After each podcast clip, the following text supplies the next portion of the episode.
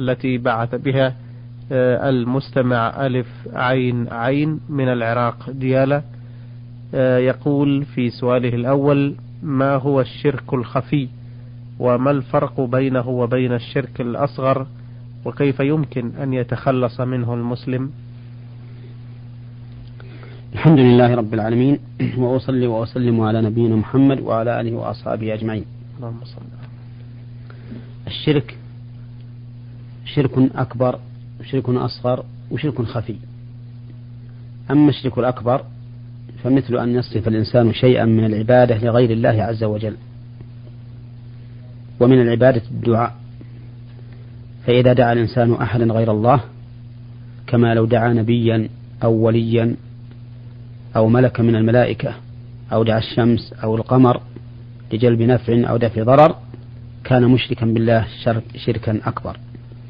وكذلك لو سجد لصنم أو للشمس أو للقمر أو لصاحب القبر أو ما أشبه ذلك فإن ذلك شرك أكبر مخرج عن الملة والعياذ بالله. ومن يشرك بالله فقد حرم الله عليه الجنة ومأواه النار وما للظالمين من أنصار. وهذا في الأعمال الظاهرة. وكذلك لو اعتقد بقلبه أن أحدا يشارك الله تعالى في خلقه أو يكون قادرا على ما لا يقدر عليه إلا الله عز وجل فإنه يكون مشركا شركا أكبر. أما الشرك الأصغر فإنه ما دون الشرك الأصغر الأكبر. مثل أن يحلف بغير الله. غير معتقد أن المحلوف به يستحق من العظمة ما يستحقه الله عز وجل. فيحلف بغير الله تعالى تعظيما له أي للمحلوف به ولكنه يعتقد أنه دون الله عز وجل في التعظيم. فهذا يكون شركا أصغر. لقول النبي صلى الله عليه وسلم من حلف بغير الله فقد كفر أو أشرك. وهو محرم سواء حلف بالنبي أو بجبريل أو بغيره ما من الخلق. فإنه حرام عليه ويكون به مشركا شركا أصغر. وأما الشرك الخفي فهو ما يتعلق بالقلب نعم. بحيث لا يطلع عليه إلا الله. وهو إما أن يكون أكبر وإما أن يكون أصغر. فإذا أشرك في قلبه مع الله أحدا يعتقد أنه مساو لله تعالى في الحقوق وفي الأفعال كان مشركا شركا أكبر وإن كان لا, يظهر للناس شركه. فهو شرك خفي عن الناس لكنه أكبر فيما بينه وبين الله عز وجل. وإذا كان في قلبه رياء في عبادة يتعبد بها لله فإنه يكون مشركا شركا خفيا لخفائه على الناس لكنه أصغر لأن الرياء لا يخرج به الإنسان من الإسلام. نعم, نعم. يقول كيف يمكن أن يتخلص منه المسلم؟ التخلص من الشرك الأصغر أو الأكبر بالرجوع إلى الله عز وجل والتزام أوامره فعلا والتزام اجتناب نواهيه نعم. فبهذه الاستقامة يعصمه الله تعالى من الشرك. نعم. السؤال الثاني يقول ما مدى صحة هذين الحديثين؟ آه، من لم يكن له شيخ فشيخه شيطانه ومن لم يكن له شيخ يكون مسخرة للشيطان. وهل معنى هذا أنه لا بد للمسلم أن يقلد شيخا ويصدقه في أقواله وأفعاله؟ هذان الحديثان باطلان موضوعان ولا يجوز نسبتهما إلى الرسول صلى الله عليه وسلم. نعم. ولكن على المسلم إذا كان بين قوم اشتهر عنده عندهم هذان الحديثان عليه أن يبين للناس بطلانهما حتى يحذروا منهما ولا يجب على المسلم أن يقلد أحدا في عباداته ومعاملاته إلا رسول الله صلى الله عليه وسلم. ومن اعتقد من الناس أن أحدا سوى الرسول عليه الصلاة والسلام يجب تقليده فإنه أخطأ خطأ عظيما. وكما قال بعض أهل العلم يستتاب فإن تاب وإلا قتل لأنه لا أحد يجب تقليده إلا رسول الله صلى الله عليه وسلم. إذ كل أحد من الناس سوى رسول الله صلى الله عليه وسلم فإنه معرض للخطأ كما أنه يكون موافقا للصواب. فهو أي قائل هذا القول؟ أنه لا بد للإنسان من شيخ يكون سائرا خلفه. قال قولا خطأ على على إطلاقه. صحيح أن من كان عاميا من الناس لا يعرف ما يقول فإن الله تعالى أمره أن يسأل أهل الذكر. كما قال تعالى فاسألوا أهل الذكر إن كنتم لا تعلمون.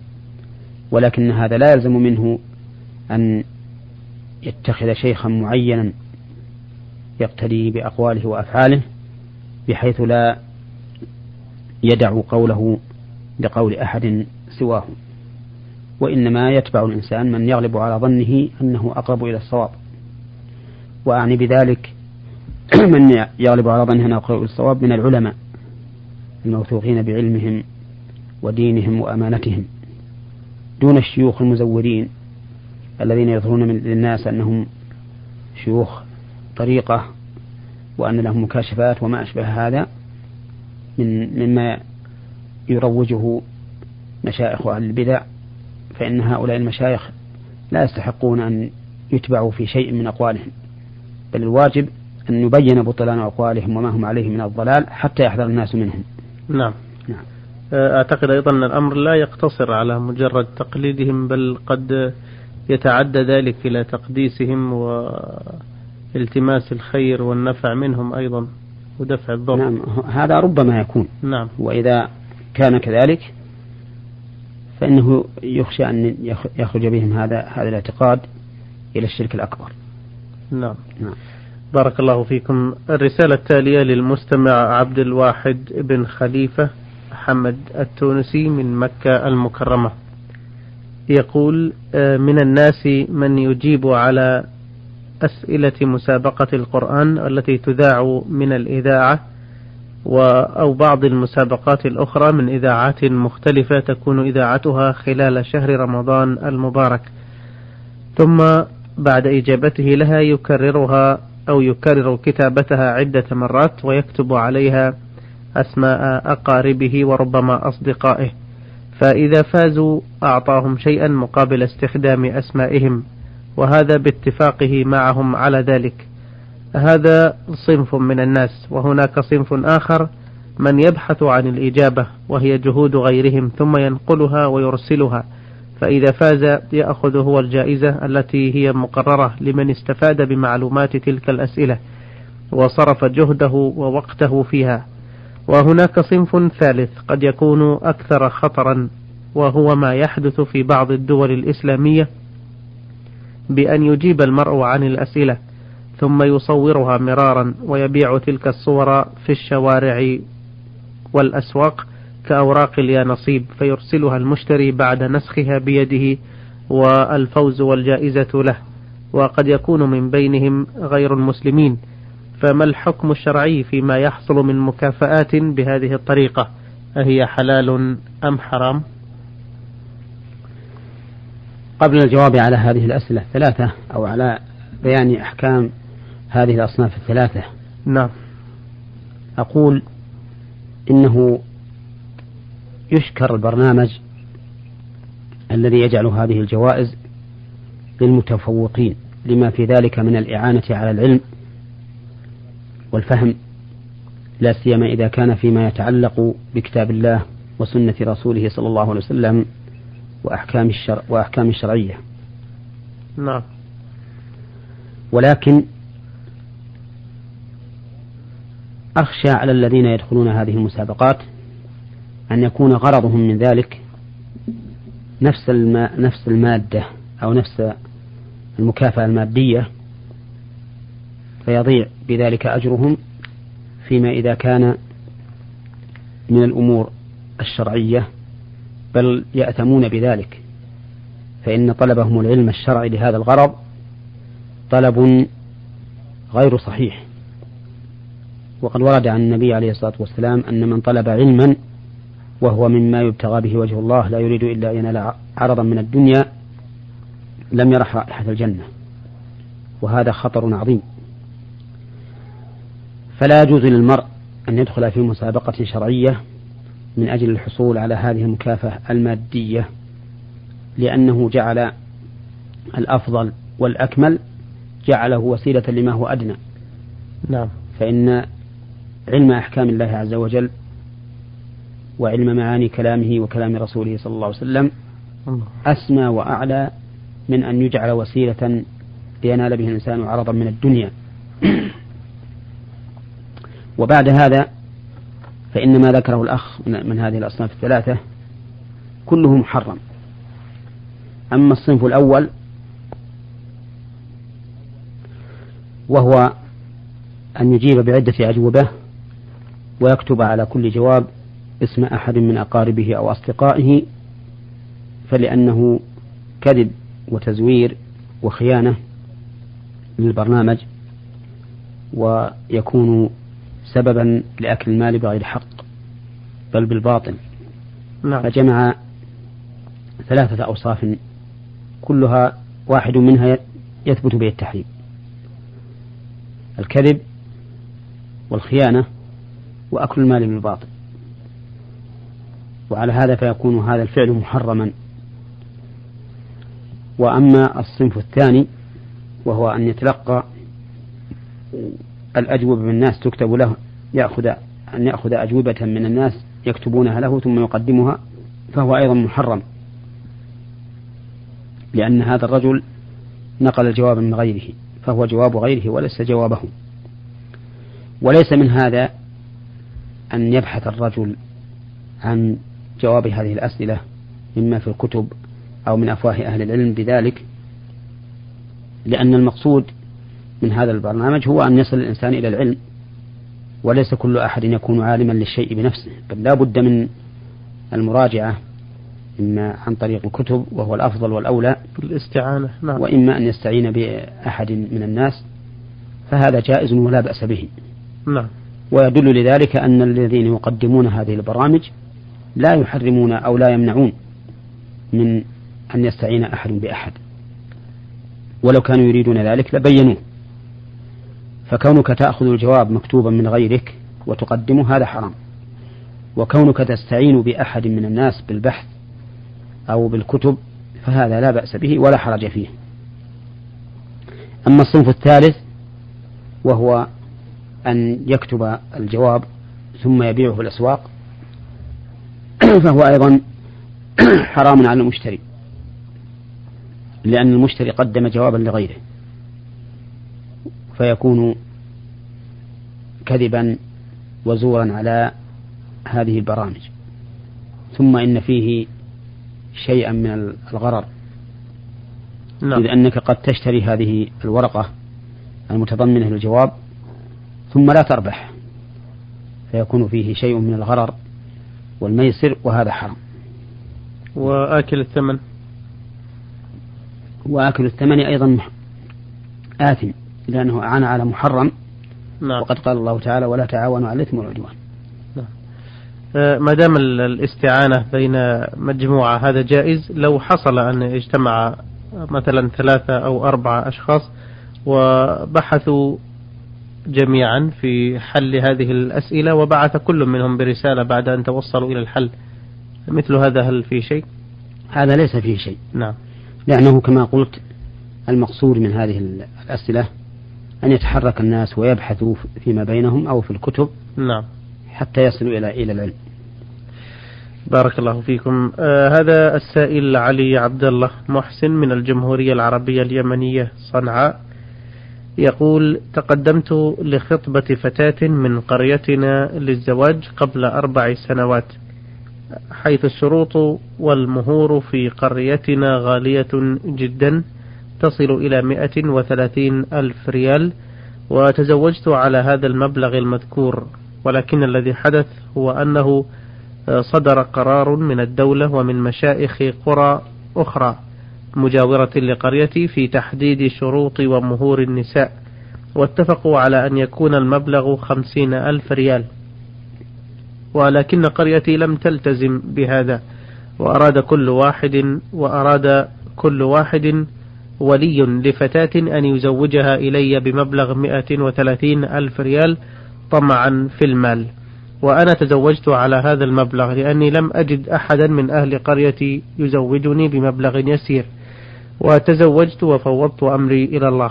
ولكن الذي حدث هو أنه قد طلبت المحكمة أولياء أمور النساء والرجال الذين زوجوا والذين تزوجوا لكي يحلفوا يمينا على أنهم لم يسلموا زيادة فوق الاتفاق ولم يأخذوا.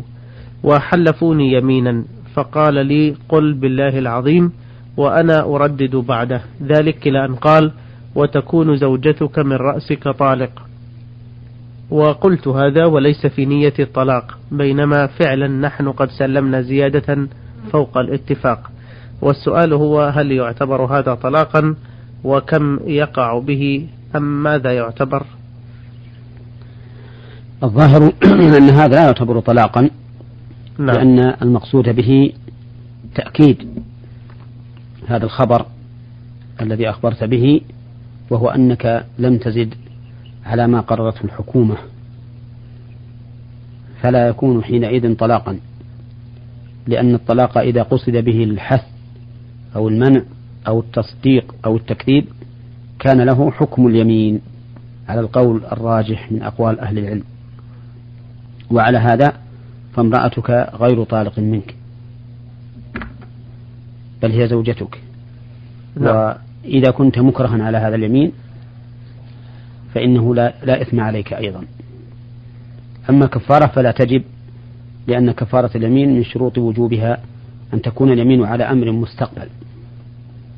أما اليمين على أمر ماض فليس فيها كفارة وإنما فيها الإثم إن كان الإنسان كاذبا عالما بكذبه أو عدم الإثم إن كان الإنسان صادقا أو حالفا على ما يغلب على ظنه. نعم. نعم. غلاء المهور إلى هذا إلى هذا الحد. آه ليس فيه شيء من ناحية الدين يعني وتعسير أمور الزواج نحو ذلك. نعم لا شك أن غلاء المهور سبب لقلة الزواج. نعم. والذي ينبغي إكثار الزواج حتى تكثر الأمة ويكثر نسلها ويحصل لها الخير. ولهذا ينبغي للمسلمين عموما أن يحرصوا على تقليل المهر مهما أمكن لأن في تكثير المهر مفاسد. المفسدة الأولى أنه خلاف السنة فإن أهل العلم يقولون يسن في الصداق التخفيف. ثانيا أنه سبب لحرمان البركة لأن من بركة النكاح أن يكون يسير المؤونة. ثالثا أن غلاء المهور سبب لإبقاء الزوجة أو للتمسك بالزوجة مع سوء العشرة لأن الرجل إذا علم أنه لن يجد زوجة إلا بمهر كثير وأنه قد سلم مهرا كثيرا لهذه الزوجة فإنه يتمسك بها وإن كانت العشرة بينهما سيئة. وفي هذا من التعب النفسي والبدني ما هو ظاهر. فلا يكاد يطلقها أبدا. لكن لو كانت المهور يسيرة لكان الإنسان يمكن أن يطلق إذا لم يمكن الاجتماع نعم. بين الزوجين. الأمر الرابع من مفاسد تكثير النكاح تكثير الصداق نعم.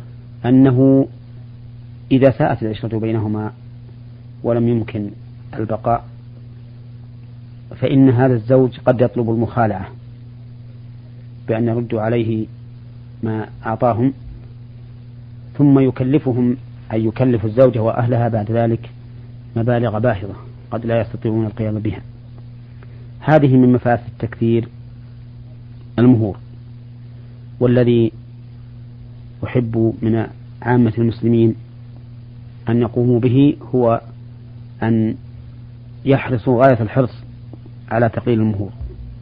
وتكون البداءة بهذا الأمر من الكبراء والرؤساء وذوي الجاه والشرف.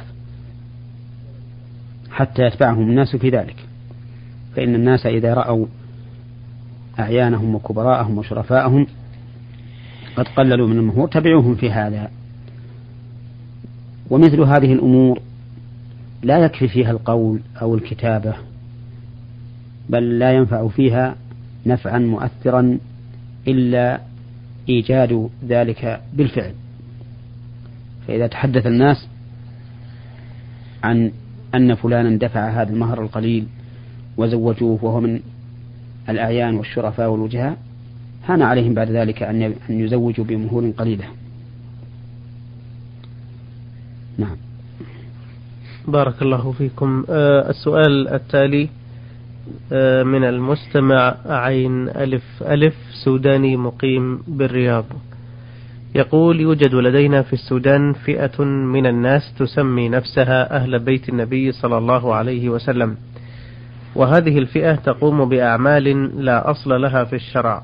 حيث أنهم يزعمون أنهم أولياء صالحون ومن وقت لآخر يطوفون في ربوع أرجاء الوطن ويستقبلون من العامة بالهتافات والترحيب ويقدمون لهم الهدايا والقرابين مع العلم أنهم في أشد الحاجة إليها معتقدين أنها تعود عليهم بالبركة والخير من هذه الفئة. فهل يوجد في زماننا هذا بقية لأهل بيت النبي صلى الله عليه وسلم وهل هذه الأعمال التي يقومون بها جائزة؟ وكذلك التي يقابلون بها؟ بكل بساطة أن نقول لهؤلاء المدعين أنهم من نسل رسول الله صلى الله عليه وسلم أثبتوا لنا ذلك ببرهان قاطع من الناحية التاريخية. ومن المعلوم أن رسول الله صلى الله عليه وسلم لم يبق له أولاد بلغوا وتزوجوا وأنجبوا. وإنما أولاده الذين ينسبون إليه ليسوا من أولاده لصلبه. وعلى هذا فنقول لكل من ادعى أنه من آل البيت من هؤلاء أثبتوا لنا ذلك من الناحية التاريخية. فإن عجزوا عن الإثبات تبين بطلان قولهم وكذبهم. وإن ثبت ذلك من الناحية التاريخية فإننا نقول ليس كونكم من ذرية أو من آل النبي صلى الله عليه وسلم بمجد عنكم شيئا إذا لم تكونوا على شريعته. فإن المهم أن تكونوا على شريعة النبي صلى الله عليه وسلم. وإذا كنتم على شريعته حقا فإن لكم حق الإسلام وحق القرابة من الرسول صلى الله عليه وسلم. ومجرد القرابة من رسول الله صلى الله عليه وسلم لا تغني شيئا. فهذا أبو لهب عم النبي صلى الله عليه وسلم أخو أبيه لم يغني عنه قربه من النبي صلى الله عليه وسلم شيئا. بل أنزل الله تعالى سورة كاملة من القرآن في فضيحته إلى يوم القيامة. تبت يدا أبي لهب وتب ما أغنى عنه ماله وما كسب سيصلى نارا ذات لهب وامرأته حمالة الحطب في جيدها حبل من مسد. والحاصل أننا نحتاج في هذه الدعوة إلى إثباتها من الناحية التاريخية. ثم إذا ثبتت ننظر إلى حال هؤلاء. فإن كانوا صالحين حقا يتمشون على شريعة النبي صلى الله عليه وسلم ظاهرا وباطنا فإنهم فإن لهم حق الإسلام وحق القرابة من الرسول صلى الله عليه وسلم. وإن لم يكونوا كذلك فإنهم دجالون. ولا يستحقون شيئا. ولا بركة في أعمالهم. ولا في أحوالهم. والظاهر ما دام هؤلاء الجماعة يمشون على القرى وعلى السذج من الناس ويدعون ما يدعون الظاهر أنهم كاذبون فيما ادعوا. وأنهم غير مستقيمين أيضا على ما ينبغي منهم في شريعة الله سبحانه وتعالى. وحينئذ فلا يستحقون شيئا من التعظيم أو الإكبار أو إتحافهم بالهدايا وغيرها. نعم. بارك الله فيكم. أيها الإخوة الكرام في نهاية هذه الحلقة نتوجه بشكرنا الجزيل إلى الشيخ محمد بن صالح العثيمين المدرس في كلية الشريعة بجامعة الإمام محمد بن سعود الإسلامية بالقصيم. وإمام وخطيب المسجد الجامع الكبير بعنيزة على إجابته عن أسئلتكم واستفساراتكم في هذه الحلقة. والرسائل التي استعرضناها للإخوة ألف عين عين من العراق ديالة والأخ عبد الواحد بن خليفة حمد التونسي من مكة المكرمة والأخ علي عبد الله محسن من الجمهورية العربية اليمنية صنعاء والأخ عين ألف ألف سوداني مقيم بالرياض. أعزائنا الكرام نشكركم جزيل الشكر على حسن إصغائكم وإلى اللقاء بكم في حلقة قادمة إن شاء الله. والسلام عليكم ورحمة الله وبركاته. نور على الدرب برنامج يومي يجيب فيه أصحاب الفضيلة العلماء على أسئلة المستمعين الدينية والاجتماعية. البرنامج من تقديم وتنفيذ أحمد عبد العزيز الغامدي.